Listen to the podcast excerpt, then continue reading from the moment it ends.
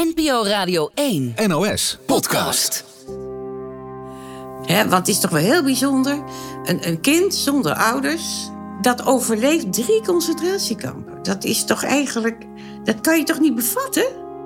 In de zomer van 1944 zit Marita samen met 50 andere opgepakte Joodse kinderen in de weeshuisbarak van kamp Westerbork.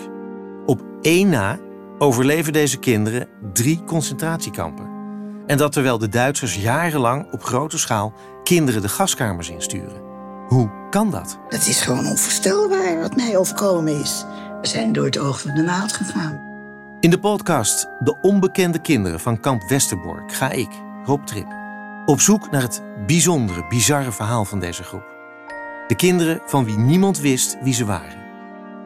De onbekende kinderen van kamp Westerbork. Te beluisteren in je favoriete podcast-app.